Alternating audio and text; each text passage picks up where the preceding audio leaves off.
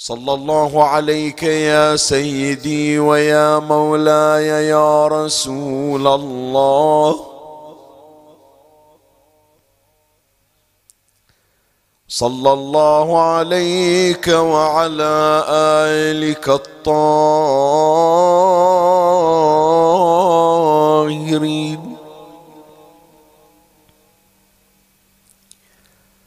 فاز من اعتصم بكم وامنا من لجأ إليكم.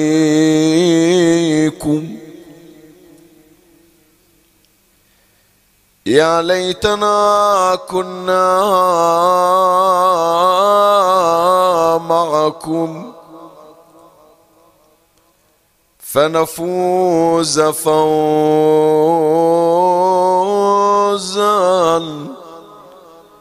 عظيما يا غريب يا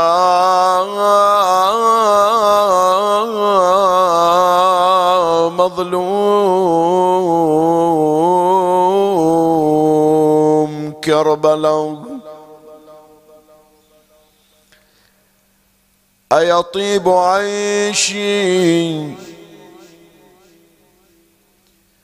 أيطيب عيشي أم تقر عيوني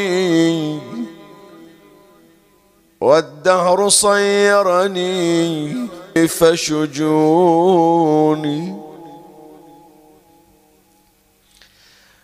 أيطيب عيشي أيطيب عيشي أم تقر عيوني.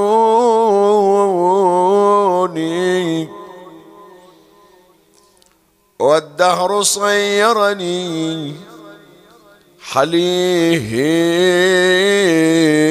فشجوني. لما أهلي لا ولا صحبي ولا مالي ولا ما كان تحت يميني. لما أهلي لا ولا صحبي ولا مالي ولا ما كان تحت يميني.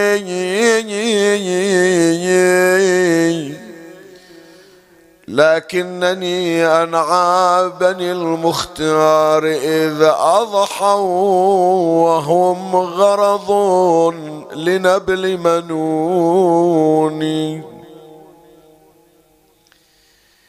بأبي وبي لم يقض منهم سيدون إلا بسم عداوة وضغون بأبي الإمام العسكري فإنه أضحى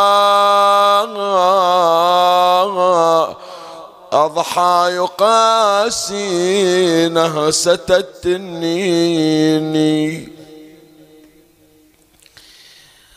حتى قضى حتى قضى بالسم تفديه الورى. من بعد أوصاب وطول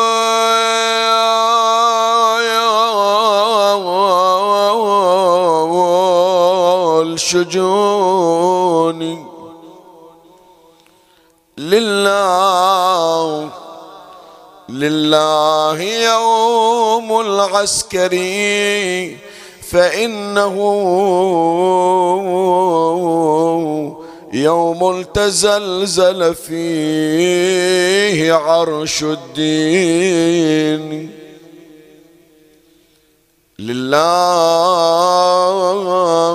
لله يوم العسكري فإنه يوم تزلزل فيه عرش الدين.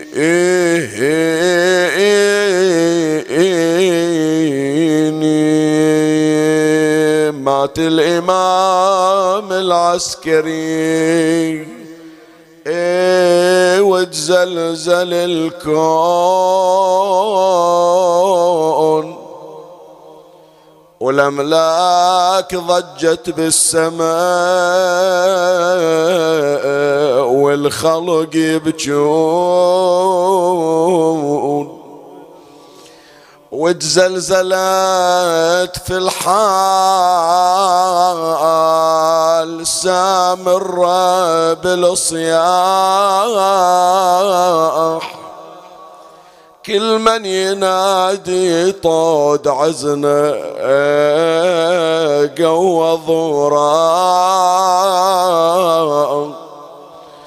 حتى النساء طلعت وهي تعلن بالنياح. وانفجعت الإسلام بعد علة الكون. مات الإمام العسكري بدر الشريعة. بالسم كبده مقطعة كعبة الشيعة. هو ابن الإمام المنتظر حال فجيعة يجذب الون والدمع يجري من العيون. لكن حضر تجهيز أبو صفوة الباري.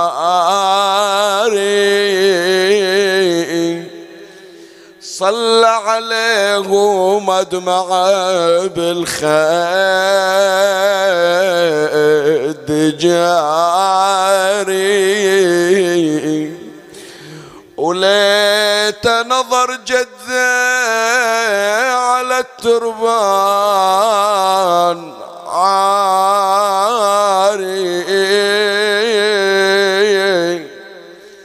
من حوله الشبان بالغبرة يونون. ليت حضر جد براضي الغاضريه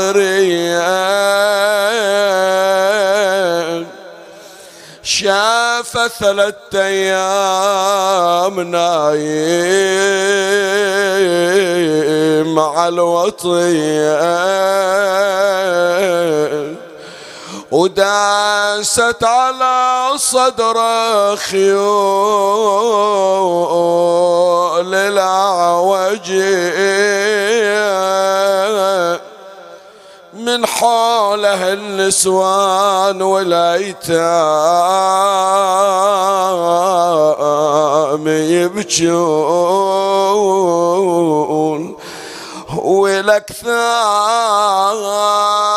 والأكثار متى تنهض يا أبو صالح. والأكثار ويمتى نشوف عج خيلك والأكثار تنسى حسين واصحابه يا والأكثار ضلوع رضضت اي ضلوع عرض رضت هلا يا يا يا. يا وجيه ماذا يهيجك إن صبرت؟ لوقعة الطف الفظيع. أترى تجيء فجيعة بأمض من تلك الفجيعة حيث الحسين على الثرى خيل العدا طحن الظلوم إنا لله وإنا إليه راجعون.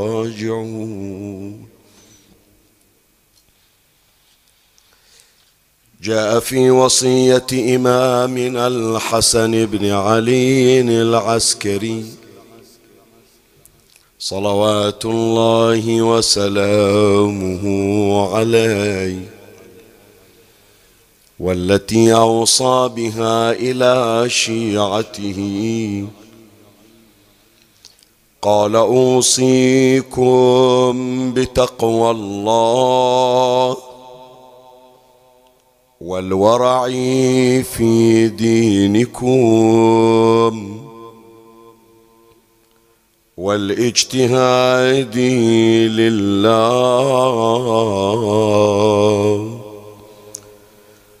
وصدق الحديث وأداء الأمانة إلى من ائتمنكم من بر أو فاجر. وطول السجود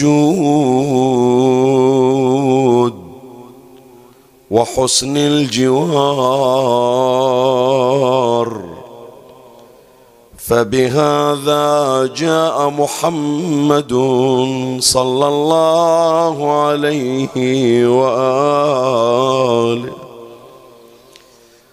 صلوا في عشائرهم. واشهدوا جنائزهم وعودوا مرضاهم وأدوا حقوقهم. فإن الرجل منكم إذا ورع في دينه وصدق في حديثه وأدى الأمانة وحسن خلقه مع الناس. قيل هذا شيعي فيسرني ذلك. قيل هذا شيعي فيسرني ذلك. اتقوا الله وكونوا زينا ولا تكونوا شينا.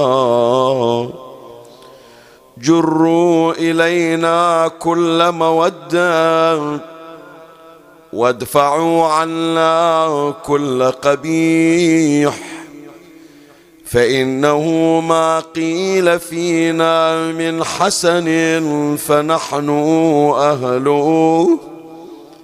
وما قيل فينا من سوء فما نحن كذلك. لنا حق في كتاب الله. وقرابة من رسول الله وتطهير من الله لا يدعيه احد إلا كذاب. أكثروا ذكر الله وذكر الموت وتلاوة القرآن والصلاة على النبي.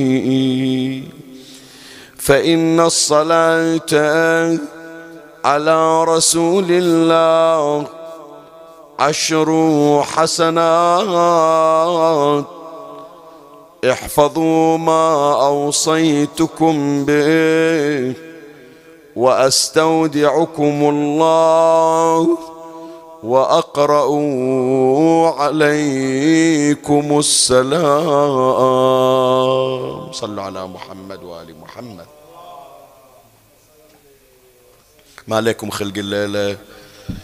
شهالنوم اليوم صايدنكم. بعدكم. صلى على محمد وآل وكرامة للمولى الثالثة أعلى من الاثنتين. اللهم صل على محمد وآل بعد ما دخل الشتاء وجمدتون اللهم صل على محمد وآل محمد. في هذه الوصية المتقدمة لإمامنا الحسن العسكري عليه السلام هي من أروع وصاياه وكل وصايا أهل البيت رائعة. إلا أن الإمام سلام الله عليه يستعرض في هذه الوصية مشروعا لجعل شيعته وأتباعه ليسوا فقط مستقيمين وملتزمين وإنما الإمام عليه السلام ينشد إلى أن يجعل كل شيعي وليا من أولياء الله تبارك وتعالى. ولي الله ماذا يقصد به؟ يقصد بولي الله أن يكون هو الأقرب إلى الله عز وجل. هو الشخص الأدنى من الله. هو الشخص الذي يمتلك قربا خاصا. يختلف عن قرب أي أحد. شوف كل إنسان في هذه الدنيا إذا أراد أن يتقرب من الله عز وجل هو قريب. ونحن أقرب إليه من حبل الوريد. لكن أولياء الله عز وجل لا ذابوا في الله. شوف حتى عبارة نحن أقرب إليه من حبل الوريد. يعني أكو شيء وشيء.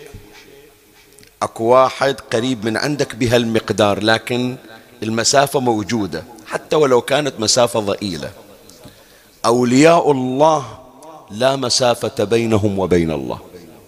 ذابوا في الله عز وجل. رزقهم الله الفناء فيه. مر علينا في ذكرى شهادة مولاة السيدة سكينة بنت الإمام الحسين عليه السلام. تأويل العلامة السيد المقرم أعلى الله مقامه لعبارة الإمام الحسين عليه السلام أن السيدة سكينة استغرقت في الله. فذكر تأويلين تفسيرين. التفسير الأول يعني الفناء في الله يعني ذابت في الله عز وجل. لكن وضع احتمال آخر تأويل آخر يقول لا يعني البقاء بالله. تعرف البقاء بالله شنو؟ يعني اليوم التي الذي لا تقوم فيه السيدة فرضا نقول معاذ الله من هذا التعبير. لكن خلنا نضربها بمثل آخر. نقول لو أن شخصا رزقه الله عز وجل صلاة الليل بمقدوره أن يتركها أو لا. ممكن هذا يصير. يمكن واحد مدمن صلاة الليل لكن يمر عليه يوم مثلا لتعب أو نحوه يترك صلاة الليل. في بعضهم إذا مر عليه يوم ما صلى صلاة الليل ذاك اليوم يحس بألم يحس بانقباض يحس يحس كأنما عضو من أعضائه بتر. مو والله, والله اليوم يعني ما صليت بس ضايق خلقه لا يقول لو قاطعين من عندي قطعة لحم لو قاطعين من عندي عضو من أعضائي أهون علي من أني يمر علي يوم من أيام حياتي لا أصلي فيه صلاة الليل. سيان الأمر أيضا. الشخص اللي متعود طيلة أيام حياتي ما يفارق مأتم الحسين. يمر عليه يوم من غير مجلس حسيني من غير حضور في مجلس عزاء. يقول أحس اليوم مبتور عضو من أعضائي بل أعظم. هذا تجوزا نحن نقول بتر العضو. وإلا يمكن بعض الأشخاص مستعد أنه يقطع. ليش أقول؟ احتمال. ما صارت في زيارة الإمام الحسين عليه السلام في زمن المتوكل. قدموا أعضاءهم. قال اقطعوا أيدينا بس نرزق زيارة الحسين عليه السلام. يعني هذا الكلام مو تخيل. لا. هذا الكلام واقع إلى تطبيق عملي. أكو ناس هالشكل يا جماعة. مستعد أن يقتل في سبيل أن يقف ركعتين يصلي فيها صلاة الليل. زين بس نقول في الأعم الأغلب لو أن شخصا والمستجار بالله حرم من صلاة الليل أقصى ما يمر عليه شنو؟ أنه يحس بانقباض يحس بألم يمكن ذاك اليوم يوم يحس بلا نكهة بلا ملح بلا طعم. بس في عبارة أن السيدة سكينة بنت الإمام الحسين استغرقت في الله السيد المقرم أعلى الله مقامه يقول لا هذا الأمر مو محتمل أصلا لأن الاستغراق في الله يعني لو يأتي يوم هذا المستغرق لا يصلي ركعتين نافلة مو واجب. يرى بأن روحه قد خرجت من جسده فحياته بالعبادة. حياته أن يصلي صلاة الليل وأن يقرأ القرآن. من غيرها يعتبر أن ذلك موت. يموت إذا لم يعبد الله عز وجل فهو متقوم بذكر الله تبارك وتعالى. زين. فأولياء الله يا إخواني ما نتصور أنهم بس مجرد قريبين من الله لا. كل إنسان يريد الله هو قريب من الله. في النصوص في الأحاديث القدسية أن العبد يتقرب من الله شبرا فيتقرب الله منه ذراعا.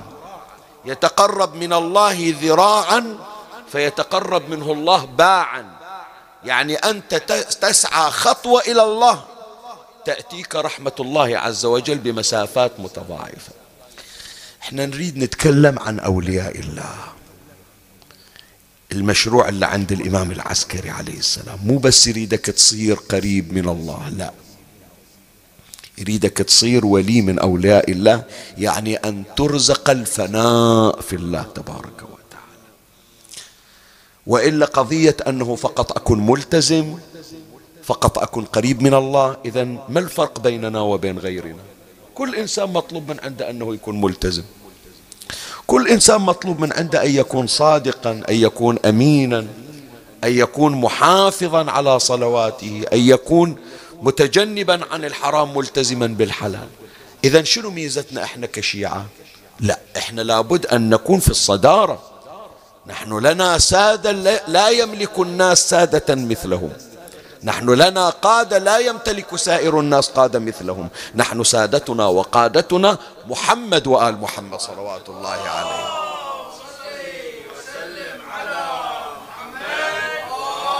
فلهذا الإمام سلام الله عليه الإمام العسكري صار عنده مشروع إنشاء مصنع لإنتاج وصناعة أولياء الله. أجيب هذا التعبير مجازا. اليوم أكو مصانع تنتج بضائع مادية تتكسر وتروح. تصنع سيارة سيارة تصير حادث وتتكنسل. مو تمام؟ لا الإمام سلام الله عليه يريد يصنع أولياء يبقون. محل اقتداء للناس محل اهتداء بالآخرين أو الآخرون يهتدون بهم ويقتدون بهم. وهذا طبعا مشروع ضخم. أنت اليوم تحصل لك واحد من الأولياء نادر عملة نادرة.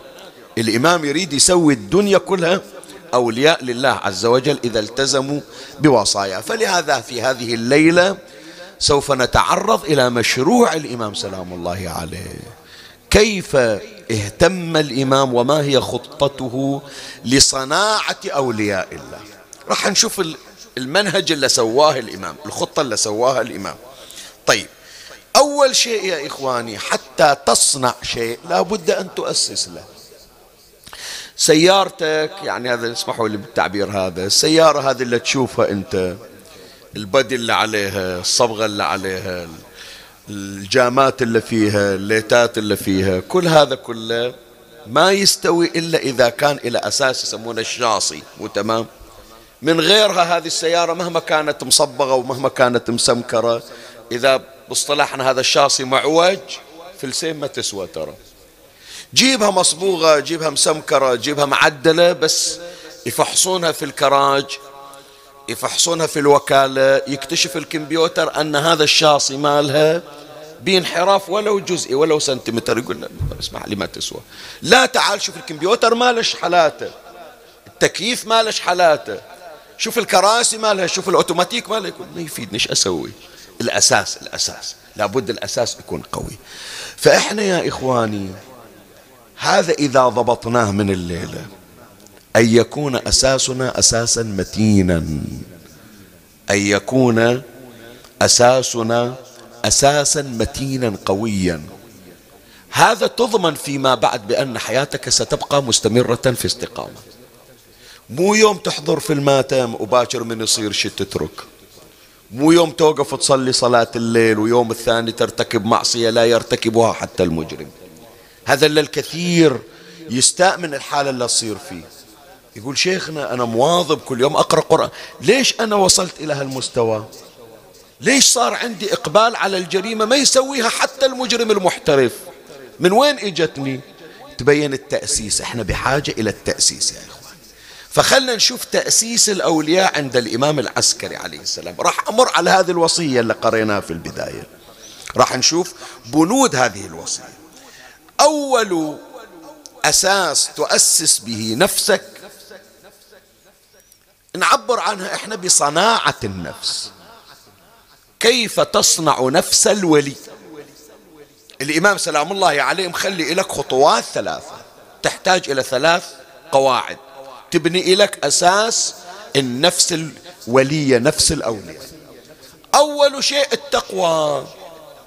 أول شيء لابد أن يكون عندك عنصر التقوى. هذا اللي عبر عنه الإمام سلام الله عليه في أول وصيته. قال أوصيكم بتقوى الله. أمير المؤمنين سلام الله عليه في وصية الطويلة ليلة شهادته. أول شيء أوصيكم بتقوى الله. تقوى شنو يعني شيخنا؟ التقوى الحرام لا أصنعه الحلال لا أدعه. عبر عنا الإمام الصادق عليه السلام حينما سئل عن التقوى قال ألا يفقدك الله حيث أمرك وألا يجدك حيث نهاك. مكان محرم قال لك لا تسويه لا تيجي في مكانه. بقعة الحرام اتركها. بقعة المحظور الممنوع اللي مكتوب عليها ساوشن لا تروح. المكان اللي طالبين من عندك تحضر انت تمارس فيه العبادات والطاعات. لا يوم من الأيام يشوفون المكان فاضي من عندك. وهذا يقسمونه إخواني بين واجب وبين محرم. ويا الواجب والمحرم أكو عندنا مستحب وشنو؟ ومكروه. هذه الأربعة أمور اللي يعبرون عنها. العلماء بالأحكام الشرعية. واجب ومحرم مستحب ومكروه. ذكرنا إحنا ونذكرها للأشخاص الجدد اللي إجوا هل في هذا البث الافتراضي معنا. الواجب أنا ما يمكن أنه أنا أخليه. ليش؟ لأن أدري بأن الله عز وجل يعاقبني على تركه. فرض علي وأوجب علي صيام شهر رمضان. أوجب علي أن أصلي الصلاة الواجبة المفروضة صلاة الظهر صلاة المغرب صلاة العشاء. أترك الواجب الله يعاقبني. محرم ذاك البعيد أسويه. حرم علي عقوق الوالدين. حرم علي قطيعة الرحم. حرم علي الزنا. حرم علي شرب الخمر. حرم علي الغيبة والنميمة. من أسويها يعني تعرضت لعقوبة الله تبارك وتعالى متصدي لعقوبة الله. فهذا واجب ومحرم. زين المستحب والمكروه. المستحب الله أمر به مثل ما أمر بصلاة الظهر. يعني مثل ما الله طلب من عندي أوقف أصلي صلاة الصبح الله طلب من عندي بعد أصلي قبل صلاة الصبح نافلة الفجر. طلب من عندي أيضا أني أنا أصلي صلاة الليل. الفرق بين الأمرين شنو؟ الفرق بين الأمرين صلاة الصبح لو ما صليتها الله يعاقبني لكن النافلة لو ما صليتها الله عز وجل لرحمته رفع العقوبة. لكن اثنينهم طلب من الله. الله مثل ما طلب من عندي صلاة الصبح طلب من عندي النوافل. المكروه كذلك نفس الشيء. الله ما يريدني أسوي الحرام ولا يريدني أسوي المكروه. لكن البعيد اللي يسوي الحرام الله يعاقبه لكن اللي يسوي المكروه لرحمة الله عز وجل الله ما يعاقبه. لكن اثنينهم الله ما يريدك تسوي. فالشخص الذي يريد أن يتقرب إلى الله عز وجل شوف شلون يعامل المكروه معاملة الحرام. غير الله ما يريده ما دام الله ما يريده إذا حتى لو كان ما عليه عقوبة أنا ما أسوي. الله ما يريدني أسوي. المستحب غير الله يريدني أسويه حتى لو أتركه الله ما يعاقبني أنا راح أعتبر بأن تركه هي تستوجب العقوبة. حتى أنزل المستحب منزلة الواجب.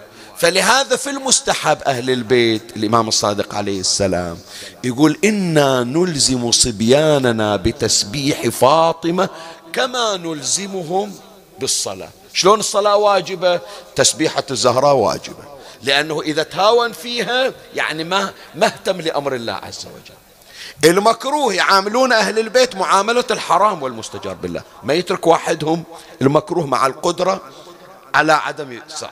ولهذا القاسم ابن الحسن عليه السلام يعرف بأن المشي بالنعل المقطوع مكروه. في الروايات عن رسول الله صلى الله عليه وآله يكره لك أن تمشي بنعل مقطوع. انقطع نعله مع العلم بأن حياته في خطر. قال مستحيل أنا أطلع من الدنيا ومسوي مكروه. أطلع من الدنيا نظيف لم أرتكب مكروها فضلا عن محرم. كم عمره؟ 13 سنة. شفت أهل البيت شلون؟ فإذا واحد يا إخواني من الأمور التي تصنع نفس الولي التقوى. شنو التقوى؟ أن لا يراك الله حيث نهاك وأن لا, يج... أن لا يفقدك الله حيث أمرك وأن لا يجدك حيث نهاك هذا واحد. زين. اللي عبر عنه الإمام العسكري أوصيكم بتقوى الله. الثاني شيخنا صرت متقي. مو بس متقي وبس. مطلوب من عندك شيء آخر. زين. تقوى أنا الآن قمت. أتعب على روحي في صلاة الليل. هذا الآن صار لي سنة ما مرت علي ليلة إلا وصليت صلاة الليل. ولله الحمد. لكن الكلام أنه يوم اللي أتعرض إلى إغراء يوم اللي ذاك البعيد الشيطان يجيني ويزين إلي المعصية.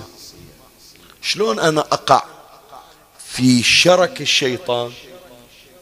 ولا كأني صليت يوم من الأيام صلاة الليل ولا كأنما يوم من الأيام فتحت قرآن ولا كأنما يوم من الأيام تشرفت عيني بالبكاء على الحسن. هذا حجوية أنفسنا يعني حجوية أنفسنا يا أحبائي. يوم اللي الشيطان يقول لي افتح هذا المقطع وشوف هذه الصورة اللي تحمل مشاهد خلاعية أو مناظر خادشة للحياة. هو صح هي كلها ثانيتين أو خمس ثواني وطارت. لكن أنت احسبها بهالحساب. هذه العين التي طهرها الحسين بالبكاء عليه. والتي تأتي يوم القيامة آمنة قريرة من عذاب النار. كل عين باكية يوم القيامة إلا عين بكت على الحسين. تاليها ألوثها بمشهد ما يسوى خمس ثواني. يسوى هذا كله؟ هذه اليد التي تقاتلت حتى أصل إلى ضريح إمامي علي بن موسى الرضا عليه السلام. إجيت ليلة الجمعة في حضرة الإمام الرضا. والناس مصطكة أريد أوصل للشباك. شي يوصلك؟ يقول إلا أوصل. وأباعد الناس وأباعد الناس. الله أوصل للضريح وألزم الشباك وأبوسه. تاليها اليد التي لامست ضريح الإمام سلام الله عليه. ترتكب المعصية. زين هذا اللي سوى المعصية بإيده. أما فكر كيف سيضع يده يوم غد؟ إذا التقى بالإمام المنتظر. أنت مو تنتظر في الأيام القادمة وقريبة هي أن الإمام سيخرج. عجل ليش تحط يدك على رأسك؟ اللهم كن لوليك. تمام لو لا؟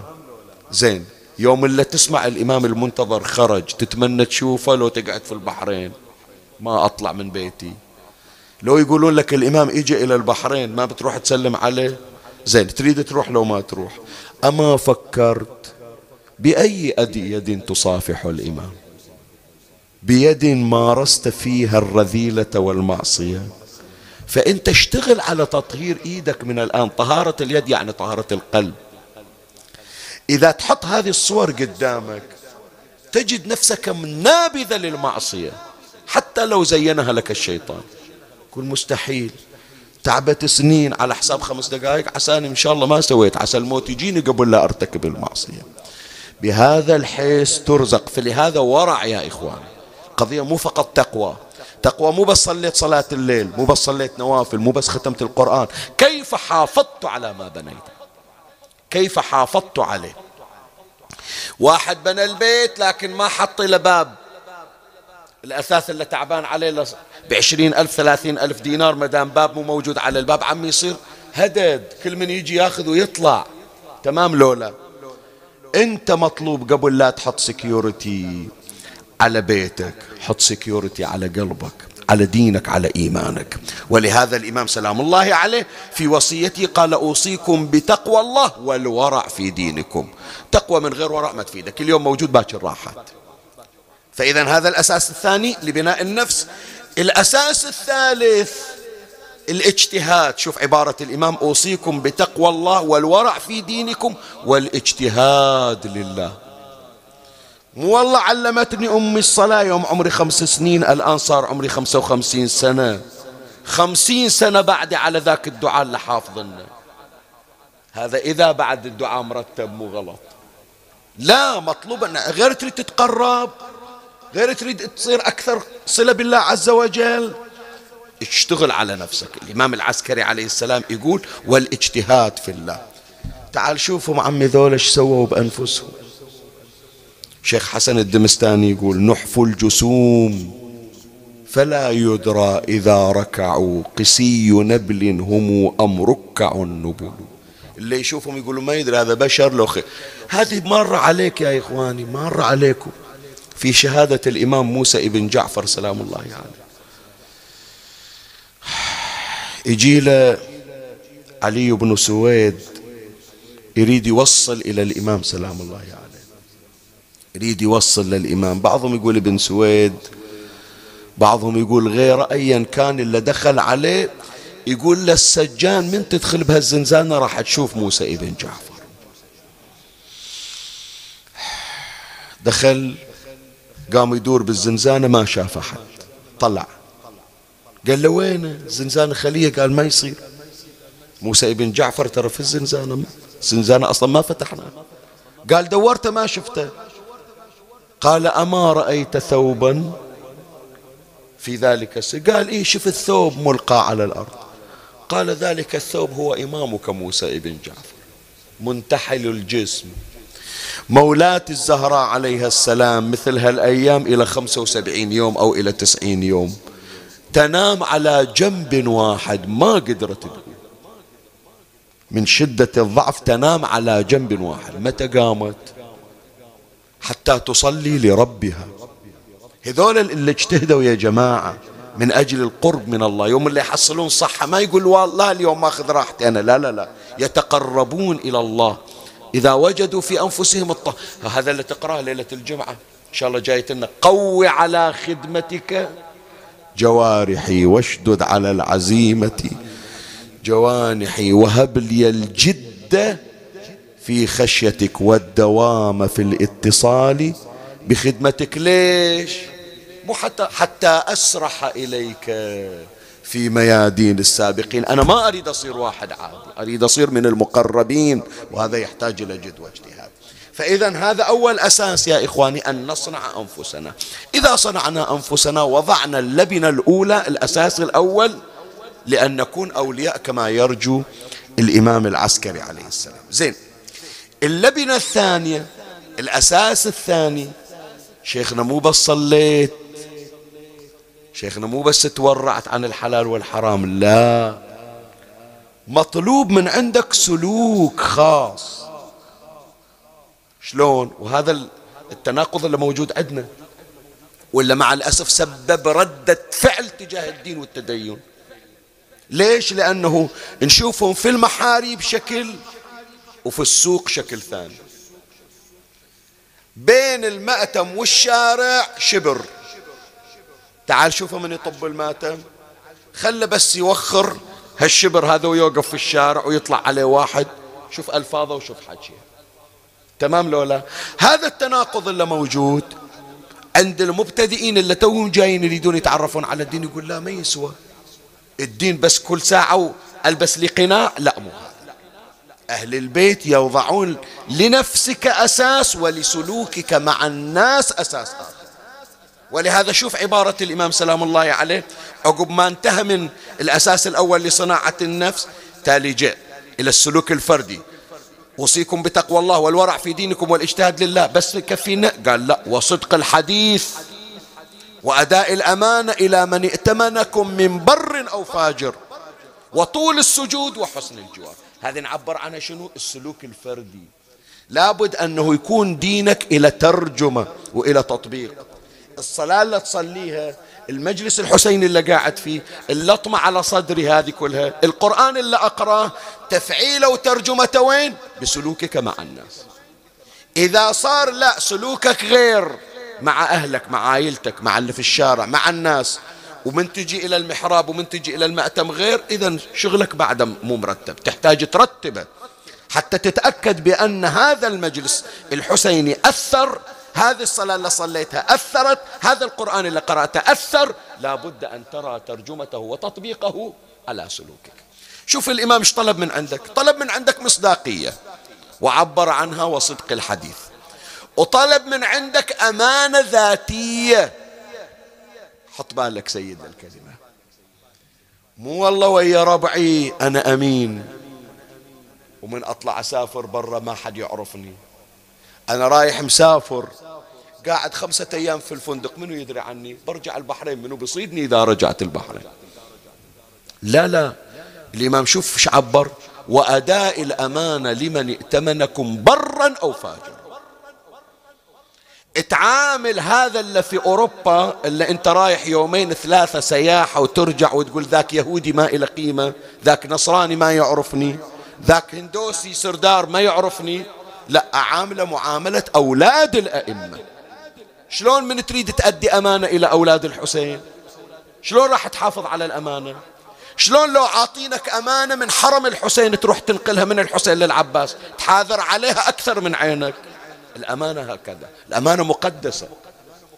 إمامنا زين العابدين سلام الله عليه يقول لو ائتمنني قاتل أبي الحسين على السيف الذي يقتل به. لأديت الأمانة. مو معنى هذا بأن الشمر إلى قيمة؟ لا ما إلى قيمة بس الأمانة لها. الأمانة بما هي أمانة. فلهذا الإمام العسكري عليه السلام يقول أريد من عندك أمانة ذاتية تراعي الأمانة بما هي أمانة. ما لك شغل منه هذا؟ لا أتمنك. وأداء الأمانة لمن ائتمن إلى من ائتمنكم من بر أو فاجر بعد. شوف العبارة هذه تهمني أنا. حط بالك للكلمة. وقبل أن أشرع فيها صل على محمد وآل محمد.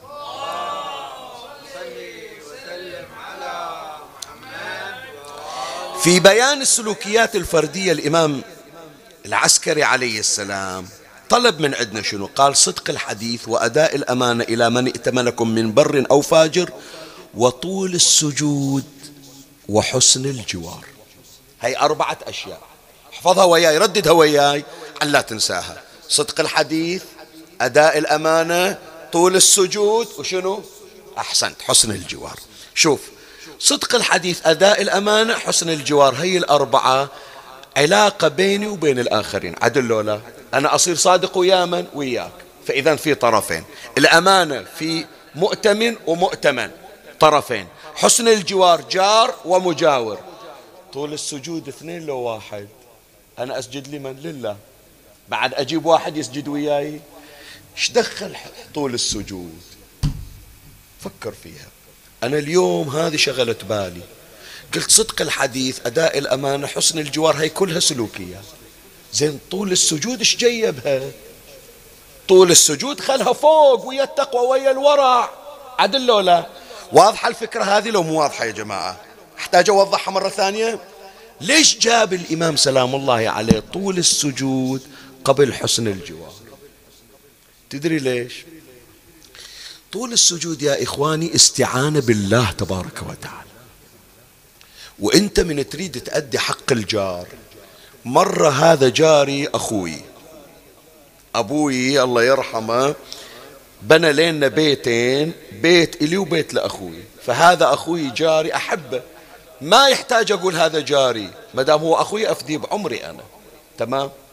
مرات هذا جاري نسيبي. مرات جاري ما أعرفه. لكن خوش آدمي أكون وياه صداقة فأحب أنه أأدي حقه وهو يأدي حقه. مرات جاري ما يسلم علي أصلا. دخل سد الباب يشوفني أسلم عليه ما يرد علي السلام. زين شو تقول؟ أعامل معاملة أخوي؟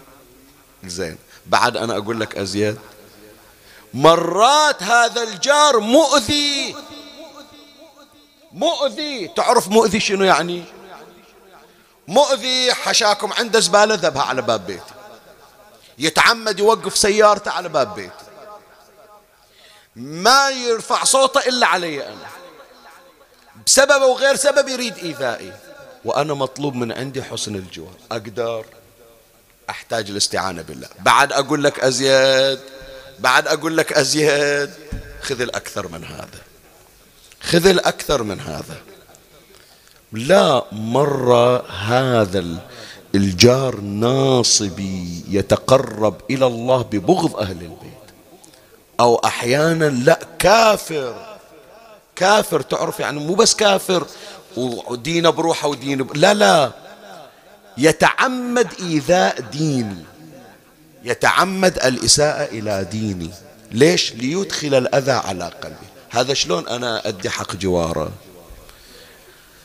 هذا سيد محمد يقول تركه الإمام يقول لا عليك بحسن الجوار زين الإمام هذا بعد مطرشنا لويش هذا إلى زين. عجل لويش الإمام الوصية؟ كان قاعد هو ويا عياله وصاهم. بتصير من أتباع الإمام تتعب على روحك.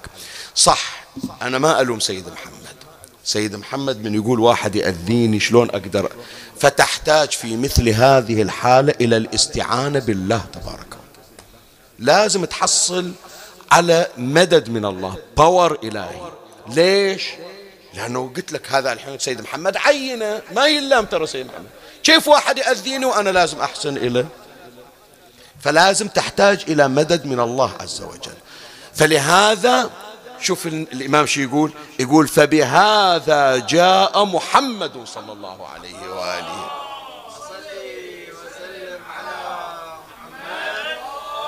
انت تخيل بالله عليك رسول الله صلى الله عليه وآله. يلزم واحد في الشارع فيبصق في وجهه. يجي يسجد فيأتيه أبو جهل وي ويسحق رأس رسول الله بنعلي زين شنو رسول الله؟ حجر يعني بالأخير لحم ودم. بشر عنده إحساس النبي ويغضب رسول الله مو ما يغضب.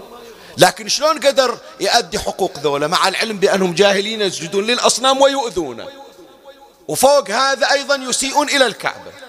يجيبون الأوساخ يحطونها على راسه عند الكعبة. القضية مو بس حرمة النبي هتك إلى حرمة الحاج وحرمة المسجد الحرام. شلون قدر النبي يصبر؟ هذا حتى يستعين على على شرهم كان النبي يطيل السجود لله عز وجل. فالإمام العسكري عليه السلام لما دخل طول السجود ويا الصدق ويا الأمانة ويا حسن الجوار يقول صعبة. مو كل مرة الجار أنت تحبه. مو كل مرة تحصل لك أبو يحن عليك. مرة يمكن تبتلى بأبوين يؤذيانك. زين شلون أنا أبر الوالدين؟ شلون أنا أصل أرحامي؟ شلون أنا أحسن من علاقتي مع جيراني؟ بأني أستعين بالله أن يلين قلوبهم وأن يسخر قلبي إليهم. فلهذا قدم طول السجود على حسن الجوار. لو حصلت لك واحد من الجيران مأذنك تستعين على أذاه وتتودد إليه بالاستعانة بالله عز وجل. فلهذا قدم طول السجود على حسن الجوار. ومن هنا قال وطول السجود وحسن الجوار فبهذا جاء محمد صلى الله عليه وسلم. زين هذا سلوك فردي. حتى يبني الشخص الولي. لا مو بس سلوك فردي سلوك اجتماعي. شلون؟ أنا مرة ساكن في ديرتي كلهم الحمد لله أهل مأتم أهل حسينية أهل مساجد لكن أطلع أنا مرة من المرات وأسكن في بلد والبلد لا يمتون إلى ديني بصلة. ساكن أنا أما لعمل ساكن أما لدراسة إلا وياي كلهم على دين غير ديني. أسوي وياهم؟ ذيك الساعة إيش أسوي وياهم؟ هذا لا تقول لي ما صار صار. ذاكر المثل وأذكره مرة ثانية. عندنا واحد من مشايخنا رحمة الله عليه توفي يعرفون الكبار اسمه شيخ علي العصفور. من المعامير شيخ علي سامع رحمة الله عليه. أبو أساتذتنا شيخ حسين شيخ حميد أبو المرحوم شيخ جمال شيخ علي العصفور مدة كان مقيما في الهند مبتعثا من المرجعية العليا للتبليغ هناك. رجل هذا اللي تسمع عنه شيخ علي العصفور دكتوراه عنده. أكثر من لغة يتقن. مؤلف باللغة الإنجليزية. رجل فاضل من الفضلاء من الأخيار.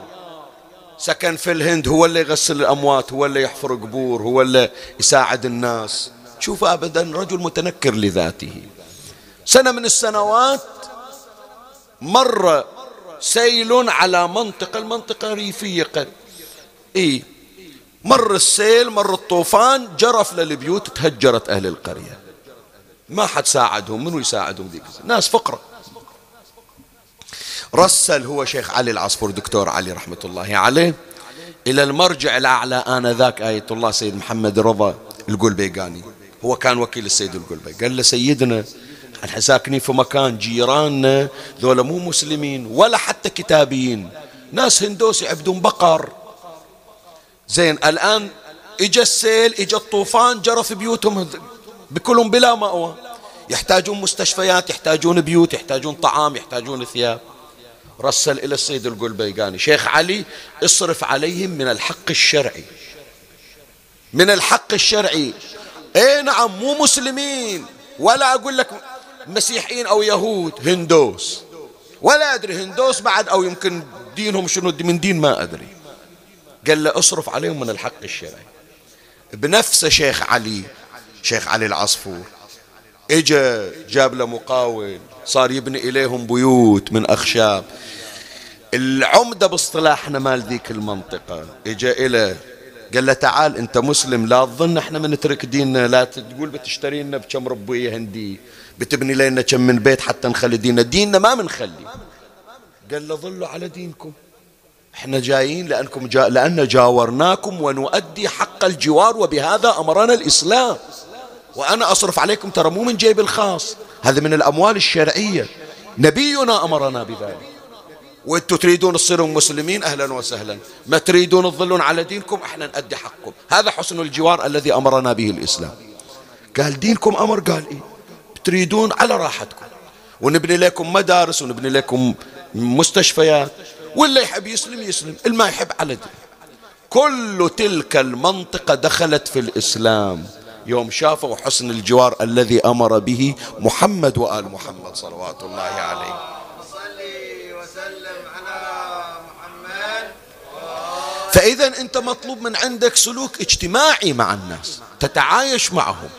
مو والله أنا أصير خوش آدمي ويا ربعي إلا مو ربعي ما إلي شغل فيهم لا. ولهذا شوف وصية الإمام العسكري عليه السلام. حينما جاء إلى السلوك الاجتماعي قال صلوا في عشائرهم واشهدوا جنائزهم وعودوا مرضاهم وأدوا حقوقهم فإن الرجل منكم إذا ورع في دينه وصدق في حديثه وأدى الأمانة وحسن خلقه مع الناس قيل هذا شيعي فيسرني ذلك. يقول هذا تربيتهم هذا دين خوش دين فإذا واحدة من الأمور إلا طلبها من عندنا الإمام. سلام الله عليه. قال الصلاة معهم. تشييع الجنازة عيادة المريض أداء الحكم. شيخنا ما إلي خلق أنا ما أروح إلى واحد مو من ديني مو من مذهبي وأصلي وياه وأعيش وياه. إيه نعم. ما أعرف شيخ. أنا ما أعرف إلا ويا ربعي. أنا ما أعرف إلا ويا المسلمين. ما أعرف أروح ويا غير المسلمين. أنا ما أعرف إلا ويا جماعة الشيعة. ما لي علاقة بمذاهب أخرى. زين أنا أسألك. رد علي شوية. فكر في هالكلمة قبل أن تجيب. أيهما يسرك أكثر سرور نفسك أم سرور الإمام؟ زين هذا قبل لا تجاوب يا سيد. شوف ساعات الإمام يطلب من عندك شيء نفسك ما تريده. شو تقول أنت؟ بتقدم شنو؟ رغبتك الشخصية لو ما يرضي الإمام. ما يرضي الإمام أحيانا للإمام عدة بأنه تصلي مع من يختلف معك في المذهب. فذلك أكثر سرور على قلب الإمام. ليش؟ لأنه يؤلف بين الصفوف ويجمع بين القلوب. وإذا إجا واحد يريد يفرق بين المسلمين هذا التآلف وهذا التكاتف يرد كيده إلى نحره. صح أنت متعود تصلي ويا جماعتك بس الإمام يقول لك لا صلوا في عشائرهم. حتى بعض فقهائنا أشار إلى أن الصلاة مع أصحاب المذاهب الأخرى كالصلاة مع رسول الله في الصف الأول. منو لكن يقدر يسويها؟ لازم تضغط على نفسك. هكذا هي وصايا أهل البيت سلام الله عليهم. زين فهذا سلوك اجتماعي. بعد ختاما حتى نختم هذا المطلب. انت جنابك صنعت نفسك حتى تصير كل ولي من الأولياء. صنعت نفسك. صار عندك سلوك فردي صار عندك سلوك اجتماعي. الإمام بعد يريد من عندك تواظب على أذكار. يسمونها الاوراد العسكرية. أوراد عسكرية مو يعني قوة الدفاع. لا يعني الأوراد التي دعاك إليها إمامك العسكري. السلام يقول أريد من عندك تشتغل على نفسك. ثلاثة أذكار تكررها. شنو هي؟ أول شيء قال ذكر الله.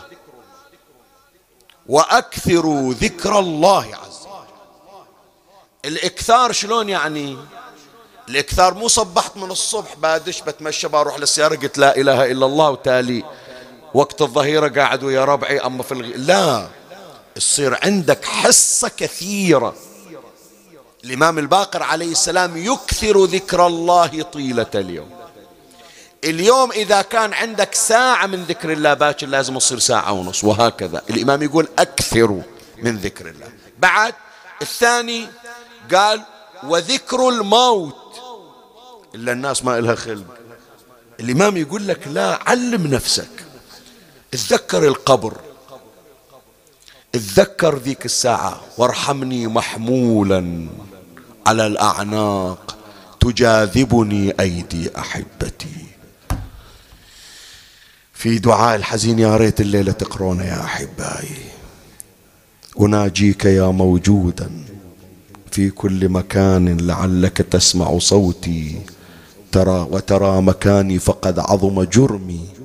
وقل حيائي مولاي يا مولاي أي الأهوال أتذكر؟ وأيها أنسى؟ ولو لم يكن إلا الموت لكفى. كيف وما بعد الموت؟ أمر وأدهى. مولاي يا مولاي حتى متى وإلى متى أقول لك العتبى مرة بعد أخرى؟ ثم لا تجد عندي صدقا ولا وفاء. فيا غوثاه ثم وغوثاه بك يا الله من هوى قد غلبني. ومن عدو قد استكلب علي ومن دنيا قد تزينت لي ومن نفس أمارة بالسوء إلا ما رحم ربي. فإن لم ترحمني فمن يرحمني وإن لم تقبلني فمن يقبلني. يا قابل السحرة اقبلني يا من لم أزل أتعرف منه الحسنى. يا من يغذيني بالنعم صباحا ومساء. ارحمني يوم آتيك فردا شاخصا إليك بصري مقلدا عملي قد تبرأ جميع الخلق مني. نعم وأبي وأمي ومن كان له كدي وسعي فإن لم ترحمني فمن يؤنس في القبر وحشتي؟ ومن ينطق لساني إذا خلوت بعملي؟ وسألتني عما أنت أعلم به مني. فإن قلت نعم فأين المهرب من عدلك؟ وإن قلت لم أفعل قلت ألم أكن الشاهد عليك؟ فعفوك عفوك يا مولاي قبل سرابيل القطران عفوك عفوك يا مولاي قبل جهنم والنيران. عفوك عفوك يا مولاي قبل أن تغل الأيدي إلى الأعناق يا أرحم الراحمين وخير الغافرين. شوف هذه الحالة من تصير عندك في ذكر الموت. غسيل هذا تعقيم لروحك. تعقيم. شوف تحس بأنه الدنيا بالأخير على شنو هالعداوات اللي إحنا فيها؟ على شنو هالركضة هذه كلها؟ وتاليها نهايتها وين؟ إي نعم. هالحفرة هذه. الآن بعد شفناها يوم إجت هذه الأزمة أزمة كورونا. وين ينزلون عليه صبية؟ تمام لو لا؟ تسواها تالي العداوات وهالخلافات. أبتعد عن الله ومن يأتي إلي في تلك الحفرة الضيقة. فالإمام يطلب من عندك أكثر من ذكر الله أكثر من ذكر الموت. بعد وتلاوة القرآن والصلاة على محمد وآل محمد.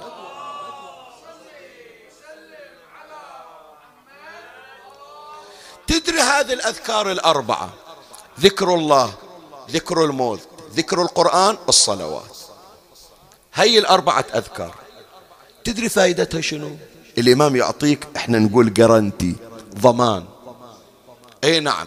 شوف الإمام شو يقول؟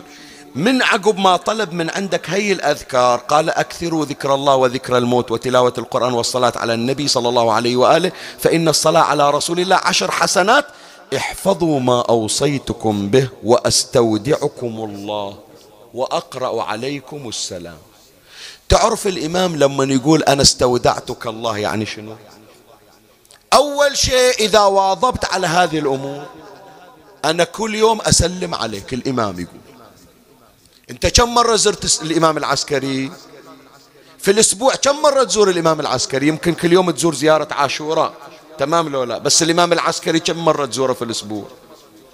في الأسبوع مرة؟ يا ريت بعد في الأسبوع مرة. بس الإمام يقول أنا أريد من عندك هي الأمور الأربعة تسويها. أنا كل يوم أزورك. أنا كل يوم أزورك وأسلم عليك. منو أنا حتى الإمام العسكري يزورني ويسلم علي هي واحدة. ثاني شيء لما يستودعني الإمام العسكري عند الله تعرف شنو؟ يعني أنا أصير في ضمانة الإمام العسكري. في حماية. شيخنا أنا ما رحت سامرة إي ما رحت سامرة لكن التزمت بوصية الإمام صار الإمام يدعو الله أن يسلم أن يسلمك ويحفظك. بعد يدعو الله لك الإمام أن تكون أقرب إلى الله عز وجل.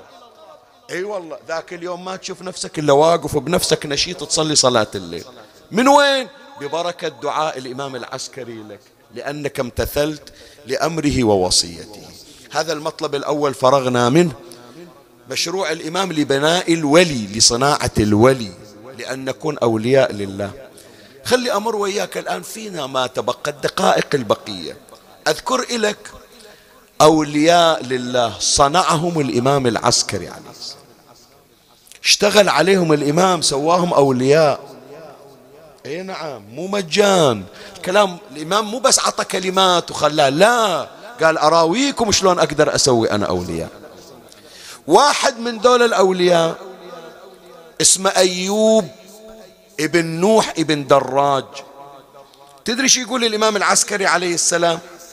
غريبة الكلمة.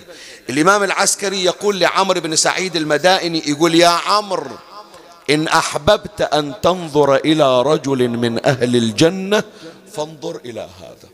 هذا واحد مو مال دنيا هذا واحد من أهل الجنة يمشي بيناتكم. يوم تعب عليه الإمام سلام الله عليه. كل الحقوق الشرعية هذا وكيل الإمام العسكري.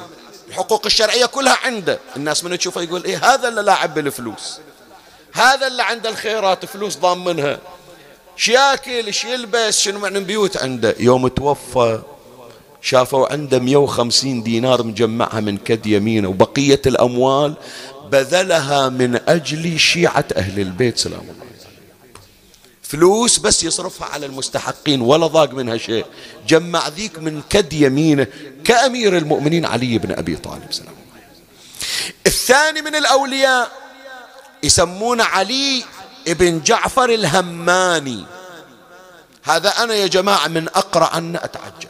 تدري الإمام إيش قد يعطي كل سنة في موسم الحج مئتين ألف دينار ذهب. نعم مئتين ألف دينار ذهب. يقول له تروح الحج وتحملها وياك. كل المسلمين يتجمعون سنة وشيعة. أطهم اصرف عليهم. يمشي ويعطي. واحد فقير تفضل. واحد افرض دابته هلكت قال له تفضل اشتري لك دابة جديدة. واحد يقول ما عندي شيء عندك بيت؟ يقول لا ما عندي بيت. تفضل هي من عند الإمام العسكري اشتري لك بيت. واحد مزرعته تفضل. وينفق مئتين ألف دينار ذهب كل سنة. اي نعم. يوم من الأيام واحد تعرف أكو ناس قلوبهم تشتغل. راح اشتكى عند الإمام يسمونه أبو طاهر ابن بلال اشتكى عند الإمام العسكري. قال له هذا صاحبكم تعطونا الفلوس. يروح يمشي ويفسفسها على الأول والتالي لا يسأل لا يفتش. غضب الإمام سلام الله عليه. تدش قال له؟ الإمام سلام الله عليه قال قد كنا أمرنا له بمئة ألف دينار ثم أمرنا له بمثلها. يقول أعطيناه المئتين ألف يصرفهم على الناس. قلنا له هذه مئتين ألف خلها عندك في جيبك اصرفها على نفسك وإذا واحد جاك خلها عندك احتياط. شوف الكلمات الإمام سلام الله عليه. يقول قد كنا أمرنا له بمئة ألف دينار ثم أمرنا له بمثلها فأبى قبوله. إبقاء علينا. قال فلوس أنا ما أريد. أهم شيء الناس تصير بخير وأنا ما إلي حاجة. أنا تكفيني محبة أهل البيت صلوات الله عليه يعني. هذول اللي بناهم الإمام سلام الله عليه. يعني. وإن نسيت فلا تنسى سفير إمامنا الحجة بن الحسن عثمان بن سعيد العمري. هذا ولي من الأولياء يا جماعة. رجل فاضل على حساب التشيع. تدري شو يسوي؟ يروح ياخذ له قربة الدهن يحط أموال الناس رسائل الناس ويشيلها على راسه. الدهن ينزل يسمونه السمان. عثمان ابن سعيد السمان. السمن ينزل على لحيته على هدومه. هدومه تدمر هو يقول ما يخالف كله من أجل أهل البيت. هذول أولياء الله يا إخواني الذين صنعهم إمامنا العسكري عليه السلام. خلي أكتفي بهالمقدار. الليلة إن شاء الله نأمل أن نكون أقرب ما يكون إلى الله ببركة إمامنا العسكري عليه السلام. خلي شوية نعاهد أنفسنا الليلة. نقول له سيدي إحنا نفسنا ضعيفة لكن نعاهدك أن تسأل الله أن يوفقنا للتوبة والرضا وللطاعة وتكون أنت الغوث والمدد والوسيلة لنا إلى الله تبارك وشوف الإمام يوقف وياك لولا مولاي الكريم إمامنا الرضا عليه إمامنا العسكري عليه السلام اهتم بشيعته ومحبيه ومريديه حتى وهو على فراش المرض. ما ترك الاهتمام بهم. أرسل أحد أصحابه ويكنى بأبي الأديان. قال له يا أبا الأديان تمضي إلى المدائن. مدائن جنوب بغداد روح شوفهم إيش يحتاجون. أنا لو أقدر كان رحت لهم لكن ما عندي طاقة. بس أنت تروح عوض عني. وتأخذ في سفرك خمسة عشر يوم. لكن يا أبا الأديان لا ترجع إلا وترى الدكاكين مغلقة والأسواق معطلة وتسمع الناعية في داري. يقول له ليش سيد إيش صاير؟ يقول يوم اللي توصل يوم وفاتي أمضي مسموما. قال له سيدي إيش أقول لك بعد؟ إيش أقول لك؟ أنت أعلم. لكن يا مولاي إذا كان كون فإلى من الملجأ؟ الإمام بعدك منه قال له يا أبا الأديان الذي يسألك عن جوابات كتبي هو الإمام بعد. قال له خاف واحد يسأل من باب المصادفة أريد علامة ثانية. قال الذي يصلي على جنازتي. هو الإمام من بعد. قال له سيدي عطني علامة ثالثة. خاف ذاك اليوم اللي راح يصلي عليك يتعطل يجي واحد محله. أريد علامة ثالثة. قال الذي يسألك عما في الهميان. الهميان حقيبة يعني يحطون فيها أسرار الأموال وكذا. هو الإمام من بعدي يقول ردت أسئلة بعد. هيبته أخذت بمجامع قلبي. انغلق لساني. قال لي قوم أبا الأديان قوم. قوم روح إلى شيعتنا خلص وياهم. يقول مضيت إلى المدائن. المدائن قريبة من سامراء إلى بغداد. ما أطول لكن سبحان الله كما قال الإمام. كل ما حاولت أسبق ما قدرت. خمسة عشر يوم كما قال إمامنا العسكري. يقول رجعت في اليوم الخامس عشر وإذا بي أرى أرض سر من رأى قد ظلمت بأهلها. والناس في ضجيج وعويل. وين أروح؟ رحت بيت الإمام العسكري. وما دخلت إلى داره وإذا بي أسمع النائح والناعي والكل ينادي وإماما إيش صاير؟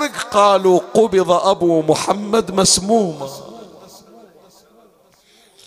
يقولوا شفت أخوه جعفر بن الإمام الهادي يدعي الإمامة كذبا وبهتانا. زين يقول ما يخالف خلي أجي إلى أسئلة. يمكن يعطيني العلامة؟ سألته عن الكتب لم يجبني. سألته عما في الهميان. قالت تطلبون من الناس أن يعلموكم الغيب؟ يقول الآن باقي العلامة الأخيرة. منو يصلي على الإمام العسكري شوية وإذا؟ بالخادم قد خرج. وهو يقول سيدي جعفر قم وصلي على أخي. قلت أن صلى عليه هذا الآن المصيبة. أعرف هذا شخص منحرف. بس الإمام قايل لي إلا يصلي على جنازتي هو الإمام. إيش أسوي؟ يقول اصطفت الصفوف. وتقدم جعفر ابن الإمام الهادي. ورفع يديه حيال أذنيه. وقبل أن يكبر وإذا بطفل صغير ست سنوات عمره. اليوم حتى تعظمون للأجر ترى. إمامنا صاحب الزمان اليوم بفاتحة أبوه إحنا. اتيتم بعده وعمره ست سنين. يقول شفناه جاء وأخذ بتلابيب عمه وهو يقول يا عم تنحى تنحى يا عم فأنا أولى منك بالصلاة على والدي. أبويا ما يصلي عليه واحد غيري. أنا اللي محروق قلبي ست سنين ما متهني ويا أبويا. الآن هذه آخر لحظة لحظات الوداع. أنا اللي أريد أصلي عليه.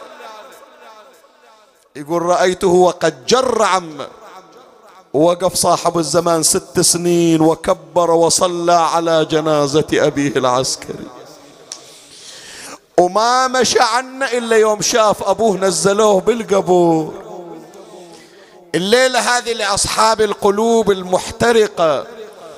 لأصحاب القلوب التي ملئت بالعاطفة والمودة. حتى تبكي أكثر. إمامنا العسكري قد عمره يا جماعة؟ 28 سنة شباب. وما عنده إلا هالولد كم عمره؟ ست سنين عمره. شوف إيش قد مصيبة تقرح القلب تدمي العين. بس ظل واقف مع العلم الإمام الحجة في خطر ملزوم بالغيبة. لكن قال جنازة أبويا ما يصير أخليها بلا دفن. وما مشى إلا عقب ما أهيل التراب على أبي. عمي ليش تبكي؟ ليش؟ شو اللي تبكيك الليلة؟ تبكيك سامرة لو تبكيك كربلاء محروق قلبك على إمامك صاحب الزمان. الإمام يقول ما توخر إلا أول أنا اللي أصلي على أبويا وأنا اللي أدفنه. وزين العابدين يقول أنا في الخيمة وأسمع أضلاع أبي الحسين تتكسر كما تتكسر القوارير.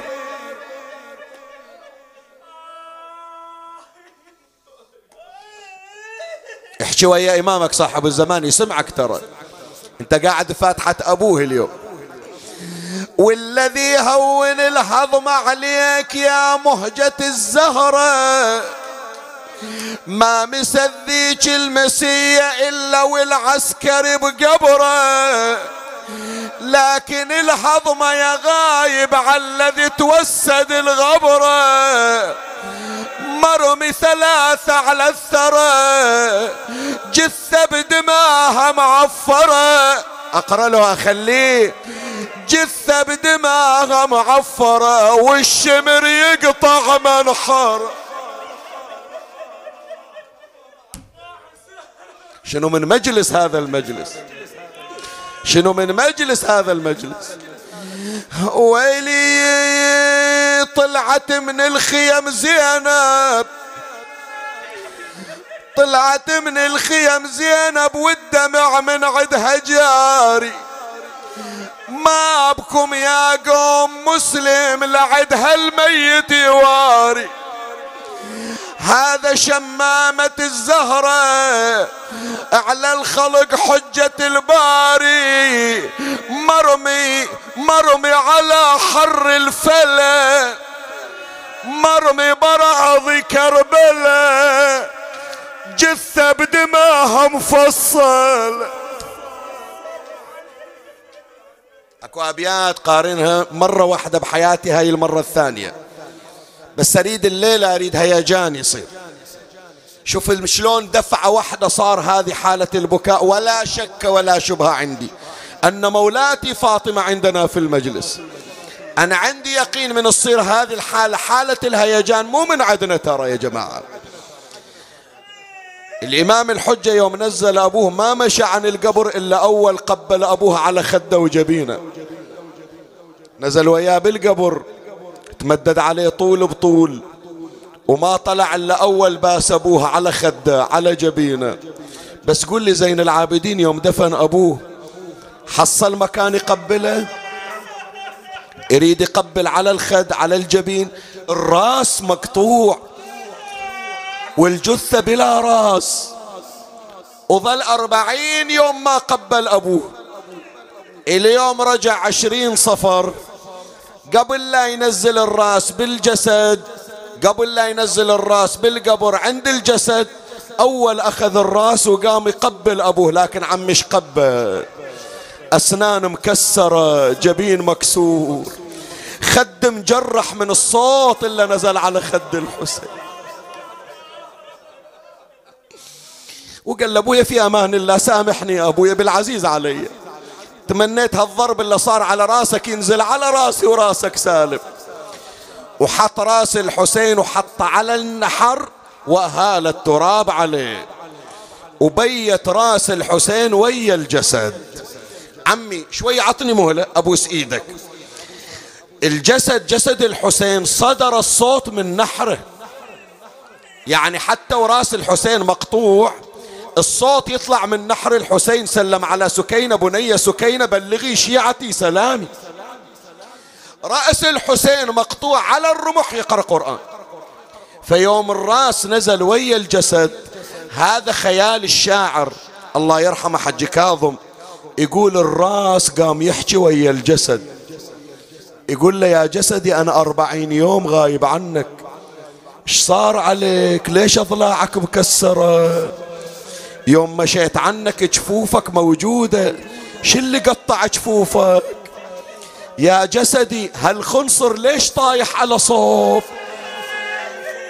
وكان الجسد يحكي ويا الراس يقول لو انت يا راس صح انقطعت من علي لكن ضروسك سالمة أسنانك سالمة إيش كسر أسنانك؟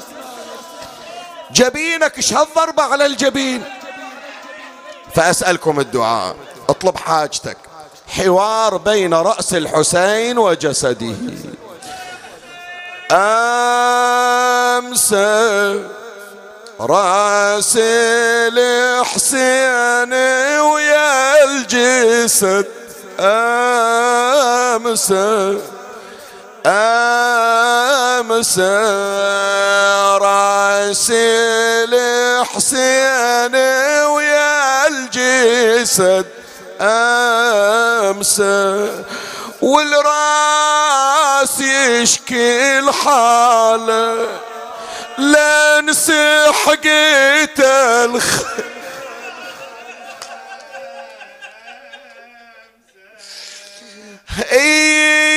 جاوب الراس من النحر يا راس بن سيد البشر.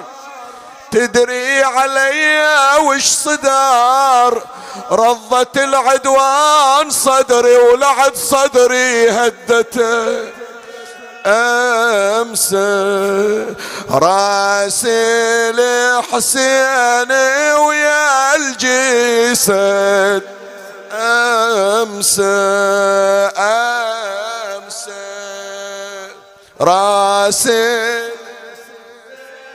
عفي عليك. ارفع صوتك. إيه. يا امسى والراس يشكي الحالة لا انسى حقيته أمسى أمسى رأس الحس يوجع قلبك هذا البيت شوية سامحني. تدري بالجمال إيش صنع بالخاتم اغتر وطمع. إيش سوى؟ وبالسيف لجفوفي قطع وحتى ثوب اللي علي بن امي سلبته أمسى. راس الحسين ويا الجسد امس والراس يشكي الحالة. لأن سحقتل والراس والراس لنسى حقيته لنسى حقيته امسى أمسى راسي لحسين هذا آخر بيت سامحني. بعد خلى باقي الأبيات ما أقدر أكملها ولا تقدر تسمعها. شوف إيش قال الراس سولف للجسد. زينب الحرة مكتفة.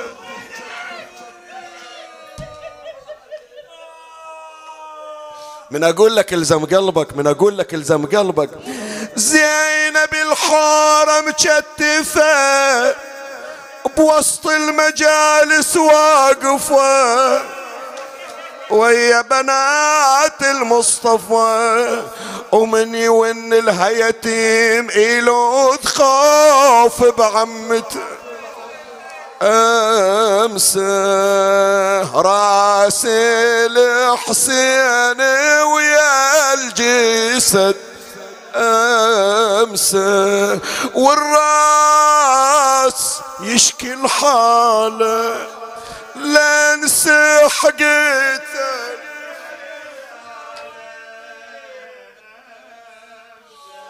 والله مو ببالي وحق مولاتي فاطمة مو ببالي. بس شلون الآن صورة أستاذي سيد جاسم أشوفها واقفة قدامي؟ هذا أقرأ البيتين إلى روح الطاهرة لأني سامعنها من عنده. هو يقول سمع شيخ هادي الكربلائي يقول إجت مولاتي زينب ليلة الأربعين تقول له هادي باكر بتقرأ يوم الأربعين يقول إيه مولاتي أنا خادمكم. قالت أخبرك أقول لك يوم الأربعين يوم وصلت لزيارة أخوي الحسين إيش قلت له؟ قال مولاتي إيش قلت لأخوك يوم الأربعين؟ قالت أخبرك يا أخويا راح الحجاب خويا أخبرك أخبرك. أخبرك يا خويا راح الحجاب وقعدنا بخرابة فوق التراب فوق التراب يا خويا سبوني وسبوا داحل أنعم جوابا يا حسين أما ترى. شمر الخنا بالصوت كسر أضلعي.